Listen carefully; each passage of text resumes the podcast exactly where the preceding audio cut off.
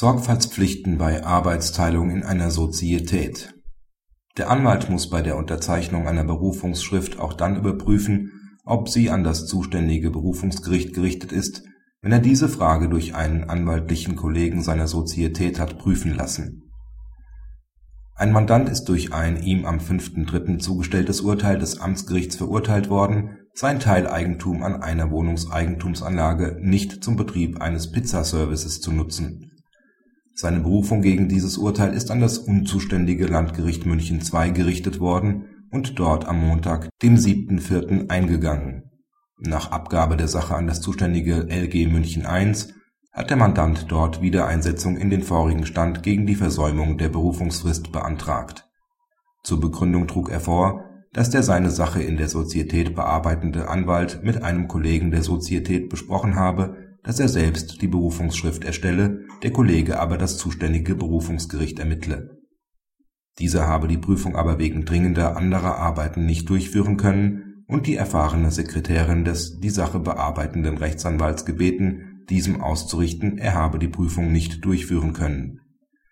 Die Sekretärin habe dem die Sache bearbeitenden Anwalt den Entwurf der Berufungsschrift jedoch mit der unzutreffenden Bemerkung vorgelegt, der Kollege habe mitgeteilt Zuständiges Berufungsgericht sei das LG München II. Daraufhin habe dieser die an dieses Gericht gerichtete Berufungsschrift unterzeichnet.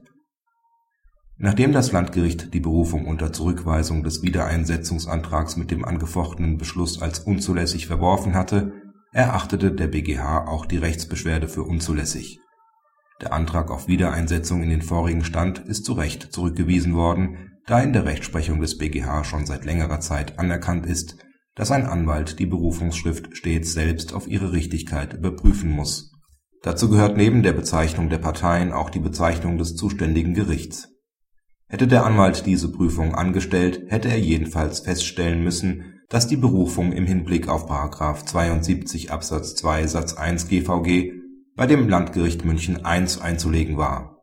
Der BGH betont, dass diese Prüfung auch nicht hätte delegiert werden dürfen ein Anwalt darf zwar seinem Büropersonal die Ermittlung der genauen Postanschrift des Berufungsgerichts überlassen und muss diese Anschrift dann auch nicht überprüfen, dies gilt aber nicht für die Angabe des Berufungsgerichts selbst. Diese Angabe ist ein nicht delegierbarer Kernbestandteil der Berufungsschrift. Nichts anderes ergibt sich hinsichtlich der Arbeitsteilung in Sozietäten. Die in einer Sozietät tätigen Anwälte sind gemeinsam verpflichtet, alles zu tun um fristgebundene Schriftsätze rechtzeitig einzureichen. Deshalb muss beispielsweise ein Anwalt, der im Postausgangsfach der Sozietät vergessene Post zur Post aufgeben will, prüfen, ob sich darunter eilige Sachen befinden, die schneller befördert werden müssen, und mitgenommene Sendungen rechtzeitig in den Postkasten einwerfen, auch wenn er sie nicht bearbeitet hat. Dies gilt erst recht für einen Anwalt, der eine arbeitsteilig vorbereitete Berufungsschrift verantwortlich unterzeichnet bei dieser Art der Vorbereitung einer Berufungsschrift muss vor ihrer Absendung durch den prozessführenden Anwalt verantwortlich geprüft werden, ob die Koordination der Beiträge auch gelungen ist. Diese Prüfung kann sinnvoll nur durch den Anwalt erfolgen, der die Berufungsschrift unterzeichnet und damit für die Sozietät insgesamt die Verantwortlichkeit für deren Richtigkeit übernimmt. Dieser Aufgabe kann er nur gerecht werden, wenn er die Berufungsschrift insgesamt auf ihre Richtigkeit überprüft.